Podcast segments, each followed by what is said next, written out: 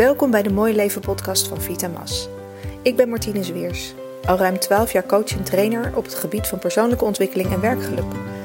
Ik ben jouw coach wanneer je jouw sprankel in je ogen terug wilt, wanneer je wilt gaan voor een leven volgens jouw passie, plezier en voorwaarden.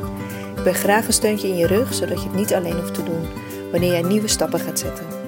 Mijn hoop is dat steeds meer vrouwen het plezier terugvinden in hun loopbaan en in hun hele leven. Ik geloof echt dat daar de wereld mooier van wordt. De podcast van vandaag is een persoonlijke. Wat doe je als je enorm getriggerd wordt door je eigen kind en je er even niet meer uitkomt? Ze was zo boos, woedend. Ze keek me aan met vuur in haar ogen. Echt, en ze gilde keihard met elke vezel in haar lijf. En het raakte mij heel erg op allerlei manieren. Het was mijn dochter van drie en ze was dus zo boos en ik vond het heel sneu dat ze zich zo rot voelde en dat ze het in een explosie eruit moest gooien. Maar ik was ook boos en dat was opvallend. Ik was boos. Ik had hier helemaal geen tijd voor, ik had hier geen energie voor, want we hadden een slechte nacht gehad. Maar het triggerde mijn eigen boosheid heel erg. En ik voelde me ook nog schuldig dat het zo ver was gekomen. Het was niet, gewoon helemaal niet leuk. Niet voor haar, niet voor mij. En zo midden in al die stapels van boosheid, ik kwam er gewoon even niet meer uit. Het was op een zondag. En ik dacht, ik vind deze dag niet meer leuk en het gaat niet meer goed komen en ik weet het gewoon even niet. Nou, dit was een maand of twee geleden. En het was een heel leerzame middag. Het was niet zo'n leuke middag, maar wel leerzaam. En uh, ik dacht hier, ik dacht meteen, oh hier, uh, nee, ik dacht niet meteen. Ik dacht de volgende dag, hier ga ik een podcast over opnemen. Ik zal je vertellen waarom. Het gaat heel erg over je eigen triggers en je eigen pijnpunten. En ik kan zeggen, als je je eigen triggers of pijnpunten wil leren kennen, dan moet je een kind nemen. Uh, want wat heel vaak wordt gezegd, kinderen zijn spiegels. Alles wat jij nog te leren hebt, dat krijg je om je oren. Meestal in de meest oncomfortabele momenten van het ouderschap. En ik zeg, ik, ja, ik wilde vroeger altijd heel graag jongmoeder worden. Daar heb ik wel wat, vaker over gedeeld. En nu ben ik zo dankbaar dat ik eerst heel veel heb geleerd voordat ik moeder werd. Ik was, ik was uh, 40 toen ik moeder werd. Um, het, maakt wel, het maakt het echt een stuk leuker en lichter. En daar ben ik, ja, ben ik helemaal van overtuigd. En inmiddels um, ja, sommige dingen zijn leuker natuurlijk als je jongmoeder wordt, maar uh, dit is zeker een voordeel van wat ouder zijn. In ieder geval in mijn geval. Dat betekent natuurlijk helemaal niet dat als jij jongmoeder uh, wordt, dat je dan niet al um, dingen kunt hebben geleerd. Maar dit was gewoon mijn route. En ieder heeft daarin zijn eigen, zijn eigen route. Het is helemaal zoals het moet zijn. Ik merk dus dat ik er heel veel aan, uh, aan heb. Dat ik al heel veel weet over mijn eigen triggers en mijn valkuilen en mijn eigen kracht. En het helpt gewoon heel erg. Uh, en uh, ik, uh, nou, ik wilde dus heel graag een podcast hierover opnemen. En ik had ook heel veel zin om een podcast weer op te nemen, want jeetje, dat was lang geleden. Nou goed, daar gaan we. Mijn dochter heeft wel vaker een driftbui. En het hoort natuurlijk gewoon bij de leeftijd. Ze is net drie. maar wat het zo interessant maakte, vond ik, dat het met de ene keer raakt het me heel erg.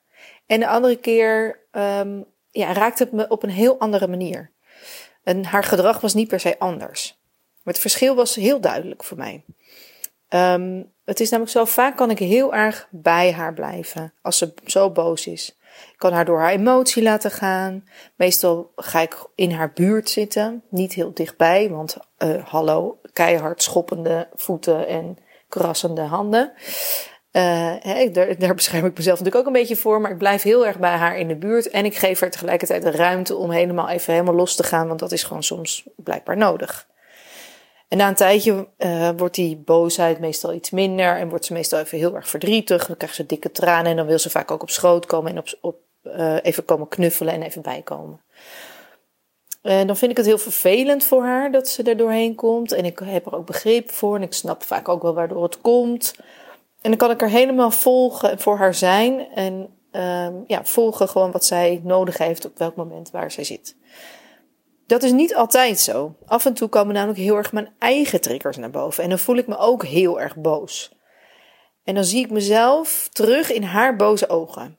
En dan heb ik eigenlijk ook behoefte om te stampvoeten. Uh, en ik zie dat allemaal bij haar terug voor mijn ogen gebeuren. Maar eigenlijk voel ik me zo. En als ik dat merk, dan weet ik, dit is niet haar ding. Hier heb ik wat te doen. En dat verschil zie ik heel erg. Dus de ene keer kan ik er heel rustig bij blijven en kan ik haar helemaal, ja, vanuit rust gewoon haar doorheen, door haar ding heen laten gaan. Maar soms, oeh, dan word ik zelf zo getriggerd en ben ik zelf eigenlijk heel erg boos. En uh, ja, dat was gewoon een heel duidelijk verschil. En um, nou, ga, misschien kan je het bij jezelf ook eens nagaan of je dat verschil bij jezelf kan, kan zien. Op wel, ja, wanneer ben je heel erg getriggerd en wanneer is het gewoon helemaal vervelend voor de ander, maar hoef jij er niet zoveel mee. Dat is meestal het verschil ook als jij werk hebt te doen en wanneer het ja, niet jouw werk is. Dat is het grote verschil. Nou, meestal werkt het bij mij heel goed om als ik voel dat ik heel erg getriggerd word, om dan pen en papier te pakken. En meestal begin ik gewoon met de vraag: waar voel ik me boos of gefrustreerd over? En vervolgens schrijf ik gewoon alles wat er in me opkomt. Maakt niet uit waar het over gaat, of het nou een antwoord is op die vraag of niet. Dat maakt niet uit. Alles wat er uh, uit mijn pen komt, dat is oké. Ik hoef er ook verder niet zo heel veel meer mee. Um, eigenlijk altijd komt er ook vrij snel naar boven wat me echt dwars zit. Nou, die zondag, dat zij zo boos was en dat ik eigenlijk ook heel erg boos was toen, um, nou, die moest ik, ik moest gewoon die zondag even uitzitten, want ik kwam er gewoon niet uit. Dat, dat lukt gewoon soms ook um, even niet. En ik ben natuurlijk solo mama, dus dan moet je er gewoon zelf mee dealen. en um, nou ja, dat is niet altijd even leuk, ook niet voor haar, maar ja, soms is dat, is dat gewoon even niet anders. Uh, ik ben gewoon lekker naar buiten gegaan. Uh, het waaide hard. We hebben drie uur lekker in de speeltuin gezeten. Um, lekker alles van ons af laten waaien, letterlijk en figuurlijk. Dat werkte ook. En s'avonds vroeg naar bed. En toen de volgende dag, toen zij naar het kinderdagverblijf uh, was, kon ik pas echt even de tijd nemen om het allemaal voor mezelf op een rijtje te krijgen. Soms is dat dus gewoon zo. He, soms lukt het ook gewoon even niet om de switch te maken. Dat is ook oké. En dat is meteen ook een van de belangrijkste lessen die ik heel snel heb geleerd, gelukkig.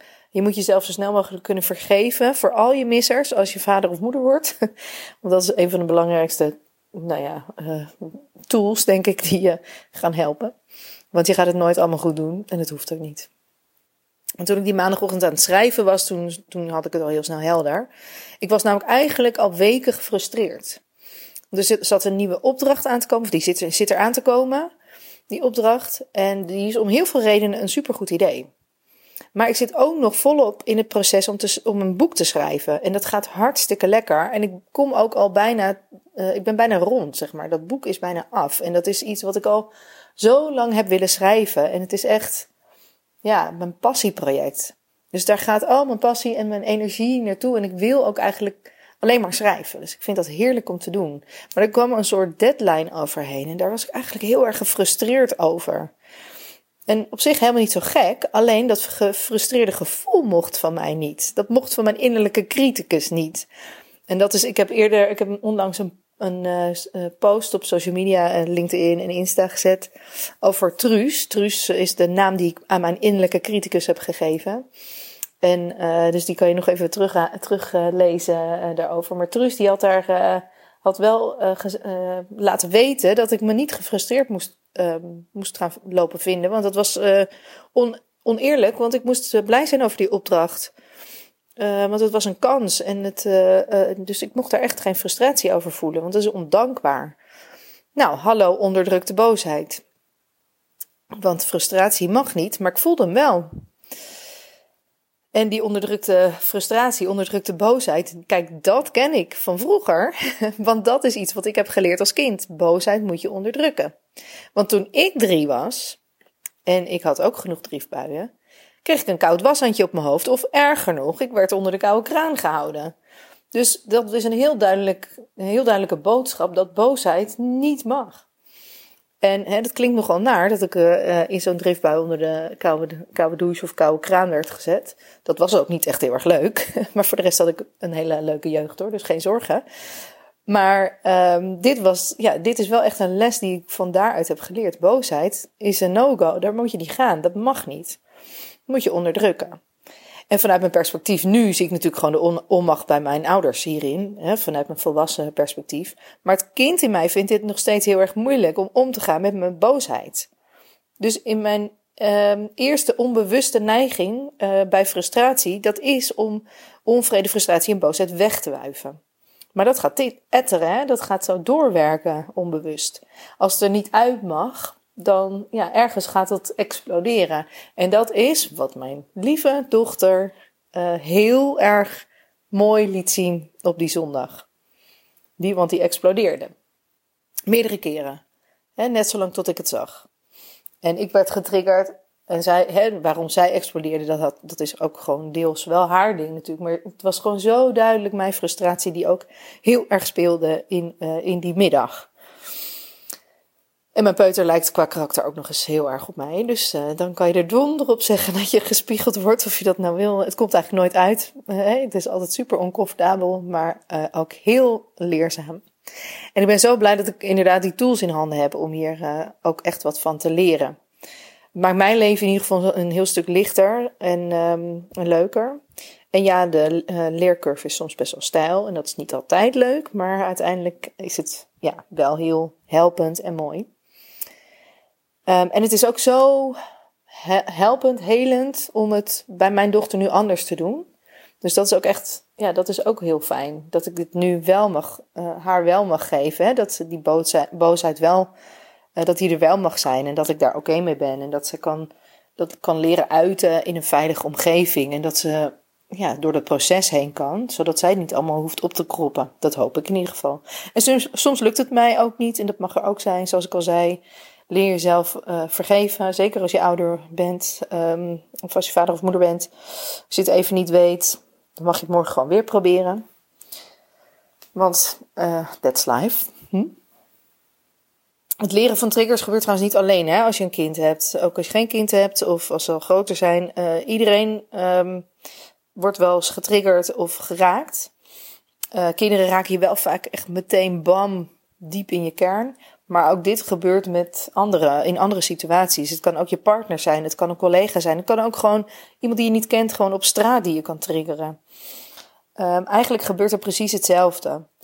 Als jij wordt getriggerd, is het nooit de ander waardoor jij je geraakt voelt. Het is alleen maar je eigen spiegel, jouw eigen mogelijkheid om te leren over jouw triggers. En ik hoop dat, nou, door, dat, door wat ik hier deel, dat hoe ik daarmee omga, dat dat misschien um, helpt als je merkt van hé, hey, ik word getriggerd in mijn eigen dingen. Neem gewoon eens ergens, en het maakt dus niet uit of het niet meteen lukt, ergens, al is het ergens in die week daarna. Neem eens een uurtje voor jezelf of een half uurtje. Uh, gewoon ga schrijven of ga eens. Ja, schrijven werkt bij mij gewoon heel erg het beste, maar misschien uh, teken je wel heel graag of uh, weet ik het. Vind er een vorm voor. Maar ga eens kijken van hé, hey, wat is nou eigenlijk uh, wat gaat er nu eigenlijk bij mij, wat voor een proces is er bij mij gaande, waardoor ik zo getriggerd word? stel jezelf de vraag en dan, het maakt het vaak zoveel bewuster. En dat lost eigenlijk al heel veel op. Je triggers zijn ook soms gewoon je triggers. Dus dat wil niet zeggen dat je nooit meer wordt getriggerd. Maar het helpt wel veel meer om te schakelen. Dus als mijn, mijn kind nu weer een driftbui heeft en ik word daar heel erg door getriggerd, dan weet ik, wacht even, dit stuk is van mij en dat stuk is van haar. En dat maakt het al veel lichter. Zij hoeft niks met mij shit, om het even zo, uh, zo te zeggen. En, uh, en ik kan dat van haar gewoon ontvangen zonder daar heel veel um, ja, eigen pijn bij te voelen. Ik hoop dat dit een, nou ja, uh, je helpt je mooi inzicht heeft kunnen geven. En um, laat me weten wat je, hoe je hiermee omgaat en of je het herkent. Um, daar ben ik heel erg benieuwd eh, naar. En uh, ik ben heel erg benieuwd wat je eraan hebt.